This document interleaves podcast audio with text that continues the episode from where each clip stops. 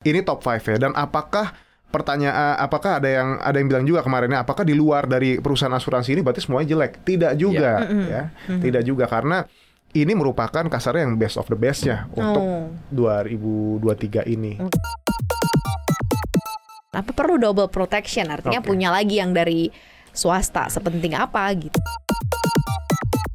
BPJS itu kayak naik busway. Oke. Hmm. Ya kan, mas Oke. mes ya kan. Tapi kalau asuransi swasta itu kayak naik taksi, Oh. Ya naik jadi custom taksi online. gitu. Kalau ya kan? kebutuhannya- dan, dan nyaman. gitu. Maksudnya Koneksi. Konten ekonomi seksi. Hai Sobat Cuan, selamat hari Rabu Hari Rabu semoga terus menggebu ya Walaupun hujan dari pagi sampai sore ya Tapi kita harus tetap semangat pastinya Ketemu lagi di Koneksi Konten ekonomi. Seksi. Yes Bareng Maria Katarina dan bareng dengan Mas Muhammad Maruf Head of Research CNBC Indonesia Ya Mas Maruf Dan juga dan juga di sini ada Mas Aulia Akbar, Financial Expert CNBC Indonesia. Halo halo Mbak. Well, hari ini kita akan bahas mengenai rating-ratingan Yes. ya. Ini sesuatu yang baru di CNBC Indonesia. Ini juga informasi untuk sobat cuan bahwa CNBC Indonesia sekarang ada namanya CNBC Indonesia Ratings Yes, ya. Ini yes, adalah yes. salah satu produk utama CNBC Indonesia Research berupa pemeringkatan terhadap perusahaan, lembaga, produk dan juga tema-tema lainnya yang ber- ah, berbeda pastinya setiap bulan dan masa pemeringkatan juga berlaku untuk 12 bulan ke depan sejak tanggal penerbitan. betul. Dan pertama kali yang sudah di launching di websitenya cnbcindonesia.com adalah 15 asuransi jiwa terbaik dan terkuat Yes. Indonesia 2023. Lu pada pusing gak sih? kan banyak pasti. Banyak. Iya kan? Asuransi di Indonesia Benar, banyak benar, banget benar, ya. Pusing benar. gak sih ngerjain kayak gitu? Iya, nanti Mas Akbar bisa men- bisa menjelaskan kepusingannya. Cuman eh, kita sebenarnya tujuan awal sederhana ya, karena memang karena banyak banget asuransi ada 50 lebih gitu ya. Kita mau beli yang mana nih gitu.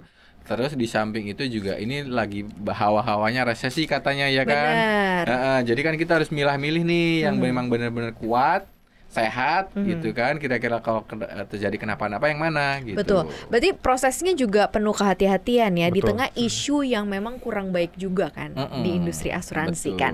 Baru-baru ini juga banyak banget lagi nih yang berbau-bau asuransi yang Hah, itu dia.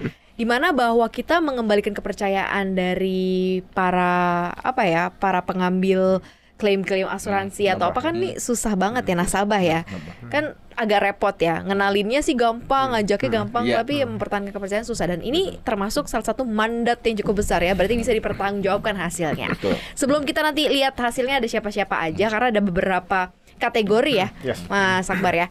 Kalau dilihat dari industrinya dulu deh, Mas Maruf ini seperti apa sih kita di mana, di level apa di Iya. asuransi di Indonesia nih? Ya.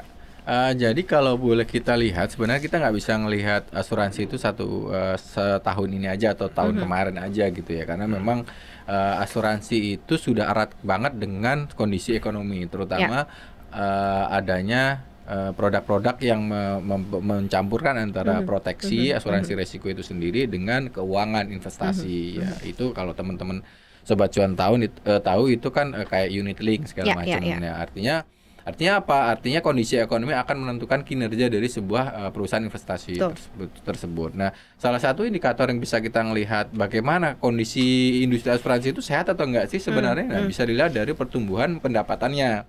Pertumbuhan pendapatannya itu diperoleh dari pendapatan premi. Premi itu teman-teman yang bayar iuran tiap Oke, bulan itu cicilan iya, ya iya, istilahnya iya, gitu iya. kan. Sama eh, kedua hasil investasi mereka gitu. Mhm. Jadi uang yang sebagian yang masuk kategori investasi akan mereka olah gitu kan Mhm. diinvestasikan di saham, obligasi, Mhm. SBI dan sebagainya. Nah, secara total dalam lima tahun terakhir itu mereka minus.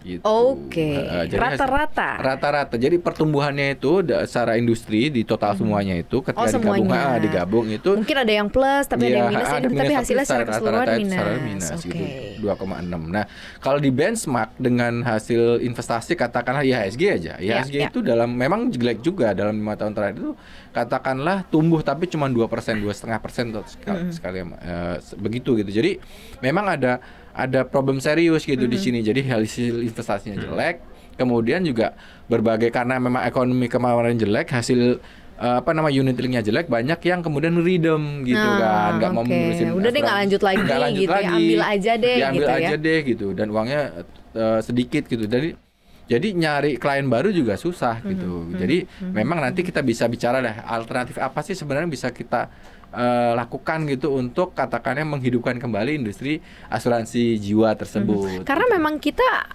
asuransi itu belum jadi lifestyle ya, Mas Akbar ya. Maksudnya di Indonesia tuh belum jadi gaya hidup, belum jadi belum apa ya kesadarannya untuk menjadikan itu salah satu part dalam financial planner tuh belum gitu kayaknya ya. Sebetulnya kalau kita lihat dari literasinya aja ya, dari surveinya OJK yang baru ini itu literasinya aja 30 31 persen, ya. dan inklusinya itu 16 persen. Bahkan di situ inklusinya 16 persen. Ini masih masih berbeda jauh banget sama perbankan. Dan miskonsepsi tentang asuransi itu sendiri juga cukup tinggi di sini ya.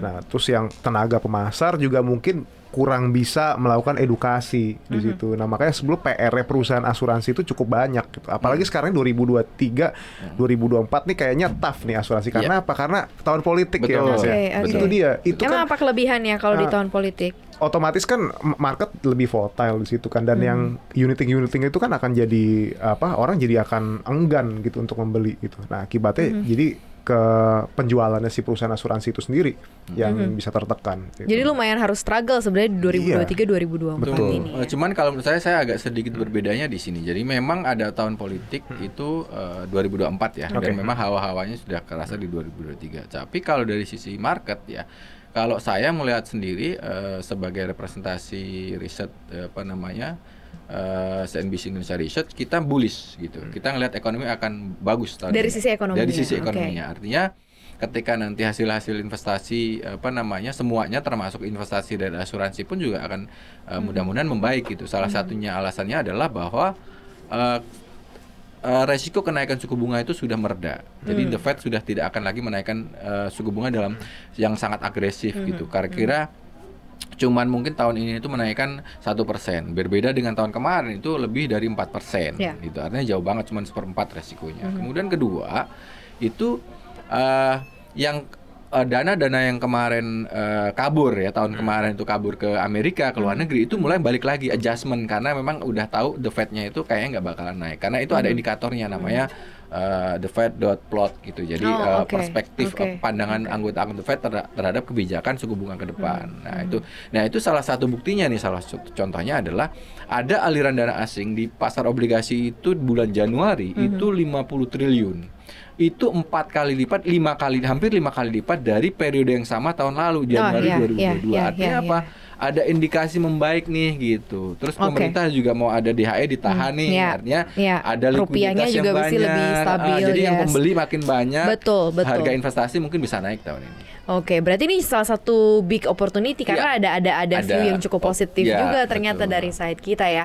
Tapi memang benar nggak sih pandemi kemarin itu memang cukup lumayan uh, membalikan habit yang tadinya nggak perlu asuransi jadi pada mulai ngerti dan Aware mulai ya, beli. karena sakit Iya. ya. Ah, ah, karena sakit karena pandemi kayak gue butuh nih Kapok ya, proteksi kapok gitu ya.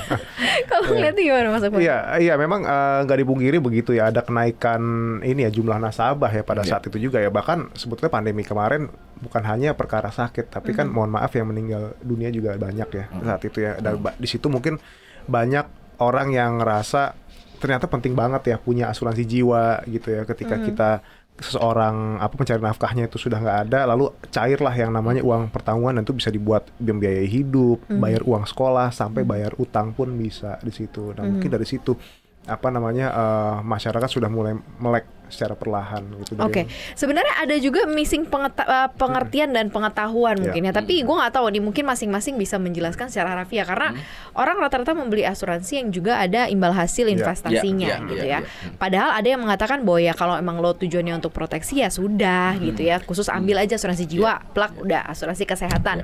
Yang nggak usah dipikir nanti dipakai atau enggak bakal sakit atau enggak, nggak usah dipikir juga nanti bakalan berapa banyak yang bisa gue tarik.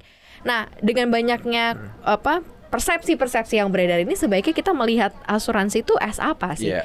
Kalau saya ngeliat dari sisi apa eh, memang boleh sih sebenarnya kita selipin juga investasi di situ? Jadi memang gini, kalau aku ngelihat itu sebenarnya itu dari perspektif ya. Jadi eh, orang Indonesia itu gampang. Orang Indonesia itu nggak mau rugi intinya. Benar. Benar ya kan? Belum semua orang memang nggak mau Cuan, cuan, gitu. cuan. Iya, harus cuan gitu. Kalau di sini pokoknya pokoknya. cuan gitu kan. Nah, itu jadi nature-nya gitu Iya, kan. iya, Di- iya. Dari misalnya dari sisi konsumennya begitu gitu. Jadi mereka tidak mengerti eh, bukannya tidak mengerti, tidak mau tahu bahwa Mhm. sebenarnya asuransi itu beli resiko gitu loh. Yang berhak berharap tidak eh, terjadi Iya, gitu loh. iya. Nah, karena memang faktanya apa namanya itu diharapkan kalau tidak terjadi pe- mereka pengen balik. Nah, keinginan keinginan apa namanya konsumen itulah yang kemudian eh, malah eh, membuat eh, apa namanya unit link laku keras di Indonesia dan berbeda di dengan di luar negeri. Di sana biasa-biasa aja. Kalau di di Indonesia khususnya itu eh, produk asuransi yang dibanding dengan investasi itu laku keras gitu. Dan kalau dari lihat sejarahnya kan unit link itu di Inggris itu sekitar tahun 60-an, di Amerika tahun 70-an, di Indonesia baru mulai diperkenalkan tahun 98. 90. Iya, 98 ya, 98. 98 gitu kan.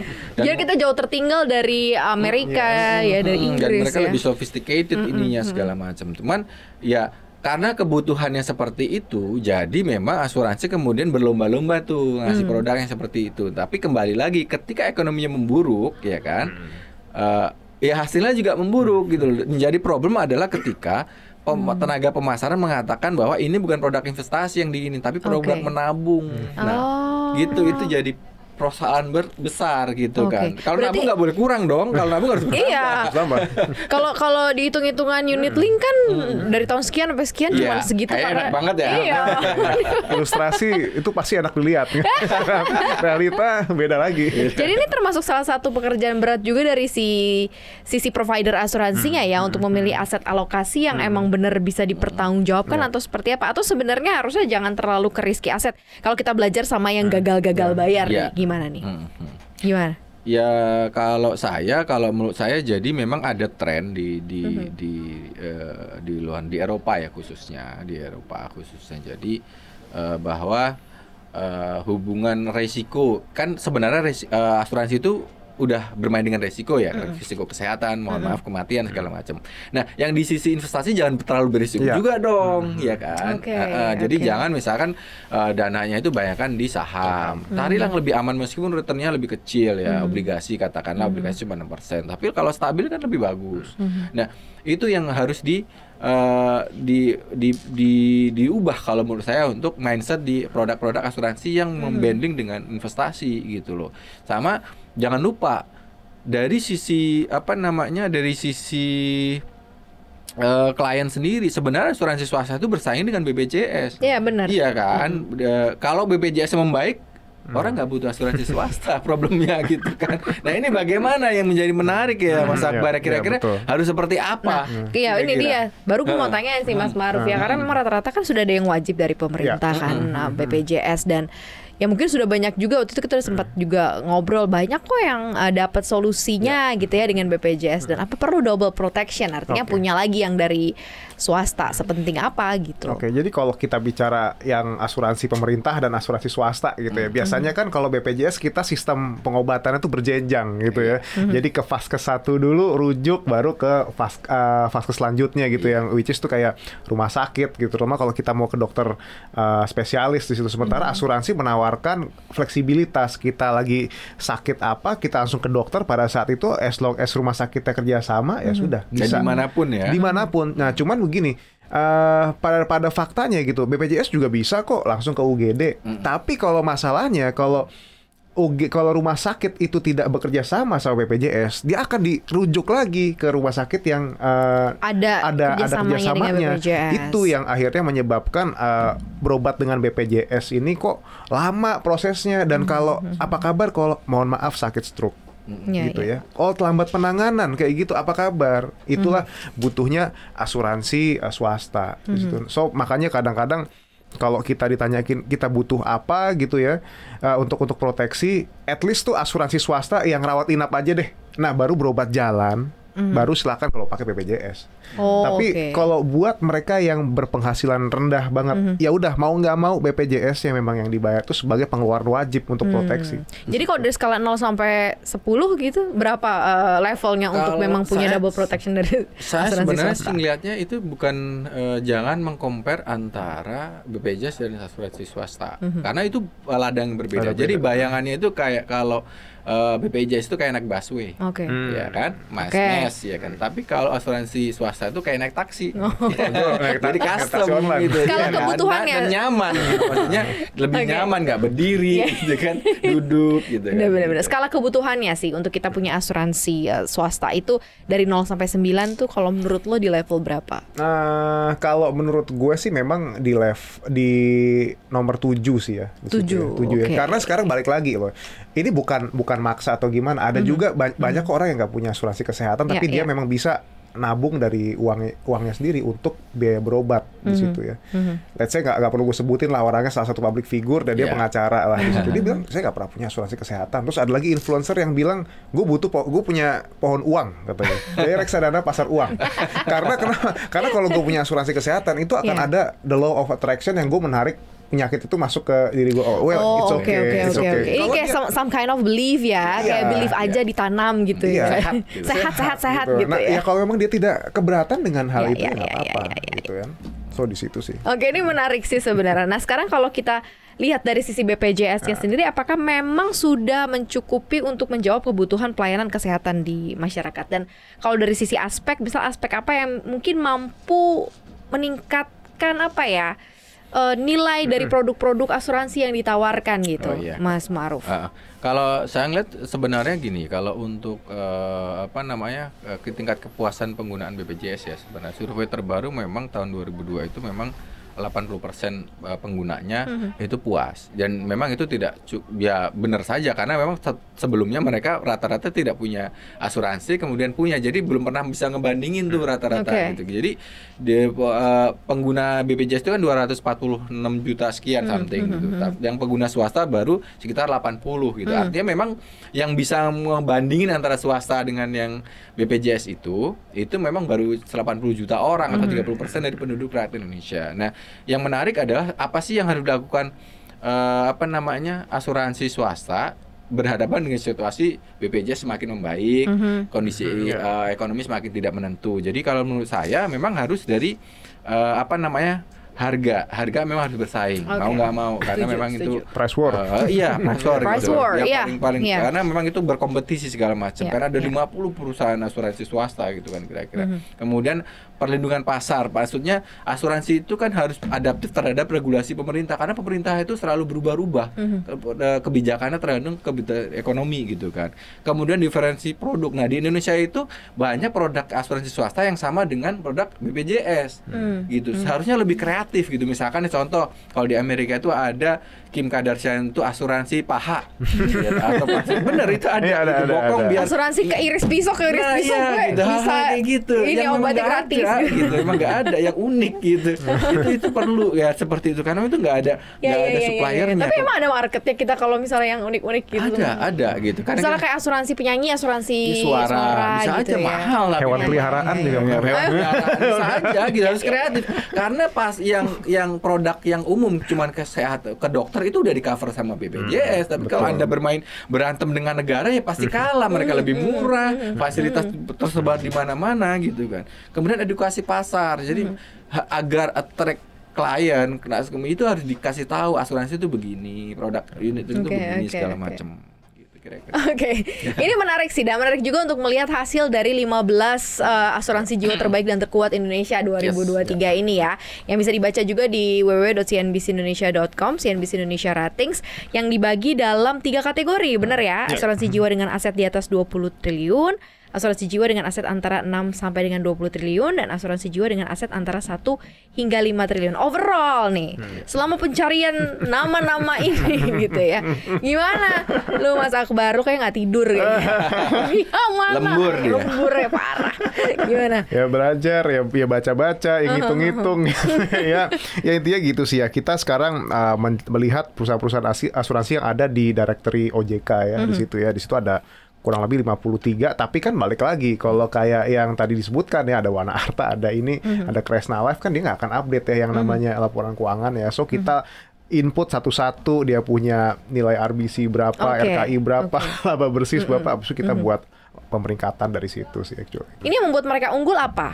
Oke. per- Poin-poinnya. Oke, pertama kali eh, mungkin yang pertama yang harus kita garis bawahi adalah karena ini adalah terbaik dan terkuat, so Mhm. kita melihat yang eh, kesehatan keuangannya paling baik di Oke, sini ya. dari situ. Nah, kita tolak ukurnya ada di RBC ya. Ya, itu risk based capital, rasio pencapaian. Jadi ini merupakan eh, semacam tolak ukur ya untuk kesehatan keuangan perusahaan asuransi yang dilihat dari modal minimumnya dia dibanding dengan risikonya. OJK punya ketentuan 120, tapi semakin besar eh, tingkat RBC tentu menyatakan perusahaan itu semakin baik ya. Ibaratnya dia punya 300% nilainya ya anggaplah dia bisa membayar kewajibannya sebanyak tiga kali lipat lah kemampuan di situ. Nah, Oke. perusahaan asuransi ini yang ada di rating sekarang mungkin ada ada yang nanya ya, berarti ini si Mas Jiwa nomor satu, Aksa nomor dua, oh Iya, iya enggak. gitu bukan. Nah, itu No. makanya gue juga bertanya apakah Oke. benar nih? Enggak. Jadi harusnya gimana nih ngeliatnya Oke, nih? Jadi ini merupakan top 5 ya. Oh, jadi tidak Oke. nomor 1 2 3 Yes. 4 5-nya ya. Mung- ya mungkin salah satu ada yang unggul di RBC, tapi yang satu lagi unggul di uh, growth di asetnya. Ada satu Mm-hmm. lagi yang unggul di bagian apa namanya uh, pendapatan premi brutonya gitu. Jadi Mm-hmm. memang ini top 5 ya. Dan apakah pertanyaan apakah ada yang ada yang bilang juga kemarinnya apakah di luar dari perusahaan asuransi ini berarti semuanya jelek? Tidak juga Mm-hmm. ya. Tidak juga karena ini merupakan kasarnya yang best of the bestnya untuk Oh. 2023 ini. Oke, Dilihat ini dari- sebagai referensi juga nggak sih gitu ya Iya. artinya? Ah, itu seperti apa? Artinya kan orang ngelihat ini, oh berarti gue bisa mengerucutkan pencarian gue kalau gue mau cari sebuah Iya. asuransi ya based on life uh, insurance adalah dengan data ini gitu. Oke. Atau seperti apa? Oh, kalau gue melihatnya begini, jadi ini selain uh, kita uh, jadi solusi untuk mereka yang mungkin bingung dalam memilih asuransi, ini juga akan uh, menimbulkan satu habit yaitu membandingkan. Ya. Karena ini Ya. produk jangka panjang, Benar, Mas ya. ya. Kalau dan Ini biasanya meski dibanding-bandingkan Ya. ini. Bukan banding-banding, tapi dibanding. Ini dibandingkan. Memang harus membandingkan produk asuransi itu karena ba- balik lagi biasanya kita kenal agent dari saudara, dari kerabat, Iya, dari apa. iya. Yes, iya jelas itu. closing karena nggak enak gitu loh. Iya. Dia, dia bisa closing karena kita nggak enak sama Ya dia. deh, gitu ya. Ujung-ujungnya tidak tepat guna. Nah kalau Iya, misalnya dita- ada dapat penawaran seperti itu kita bandingkan dengan perusahaan A, perusahaan B. Oke masuk manfaatnya tapi harganya nggak masuk. Cari perusahaan C kayak gitu. Hmm. Akhirnya yang ini yang menurut Iya. gua tinggal gue cari ag- agentnya dan selesai. dan Udah. dan perlu saya garis bawahi Oke. bahwa kita tidak eh, mengajak untuk membeli atau Yes. memilih itu ya artinya silahkan mengkomparasikan dari the best of the best Hmm. dikomparasikan aja eh, pilihan pribadi karena eh, kita tidak ada hubungan dengan mereka bahwa kita semua metodologinya independen Yap. dan bisa dipertanggungjawabkan Yes. gitu kira-kira gitu Ini yang harus dicatat ya Sobat Cuan ya Berarti tidak ada tendensi apa pun sebenarnya Tim CNBC Indonesia Research Untuk memberikan rating ini Karena ini benar-benar purely Iya. Dan datanya juga sebenarnya tinggal dibuka ya Tinggal Di publik bisa ya dicek. teman-teman bisa bisa cek sendiri di websitenya dan bahkan ya silakan gitu untuk dianalisis sendiri Silakan kalau misalnya bisa sendiri. gitu. Ya, iya. ini gitu opini ya. dari kami gitu maksud saya Tapi lumayan lah ya Sudah dirangkumkan jadi 15 gitu ya Dari 50-an Dari 50 Tapi kalau memang mau cek di luar 15 ini Mas silakan aja gitu ya iya. Kalau mau bandingin sampai 50 yes. Baru Anda putuskan ya Iya. Boleh lah ya Ini mungkin eh, last nih ya eh, Seperti apa sih mungkin buat Sobat Cuan nih Yang kemudian yang kemudian mendengarkan kita saat ini Untuk lebih ada meningkatkan level awareness ya terhadap asuransi Gimana Mas Maruf?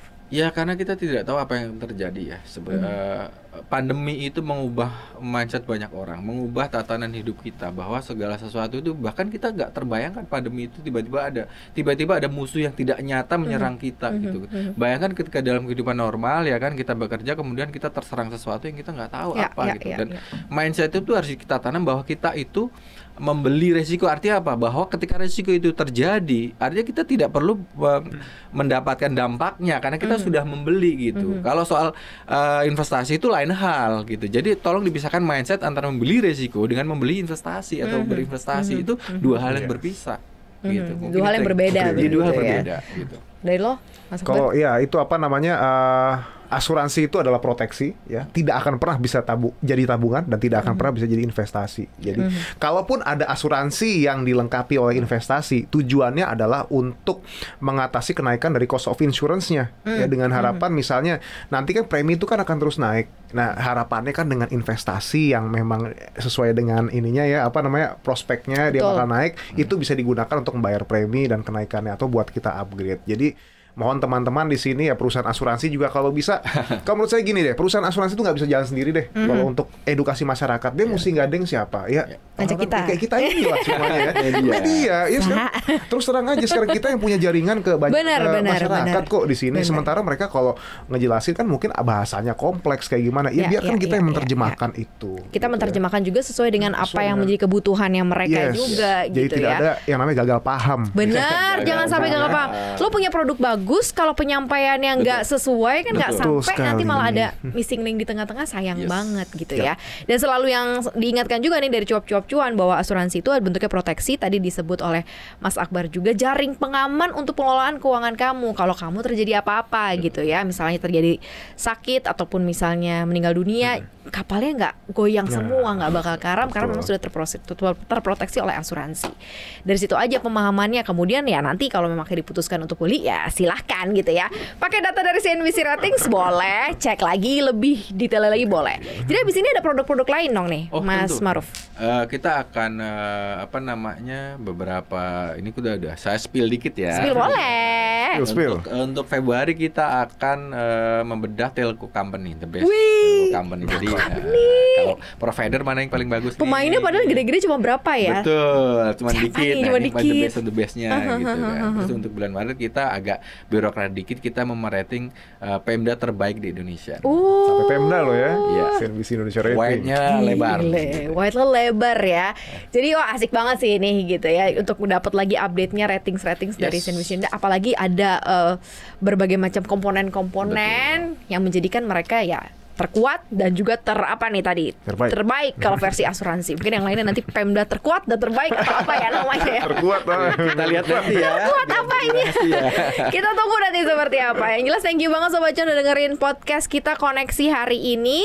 Terima kasih juga untuk selalu menjadikan podcast Cuap Cuap Cuan sebagai referensi kamu tentang ekonomi dan bisnis dan keuangan. Terima kasih ya. Jangan lupa untuk dengerin konten podcast kita lainnya di Apple Podcast, Google Podcast, Spotify, dan Anchor. Follow akun Instagram kita di @cuap underscore cuan dan subscribe YouTube channel kita di Cuap Cuap Cuan. Dan podcast hari ini juga tayang di CNBC Indonesia TV pastinya. Thank you Sobat Cuan. Terima kasih. Maria Katarina pamit. Saya Ma'ruf pamit. Akbar pamit Bye.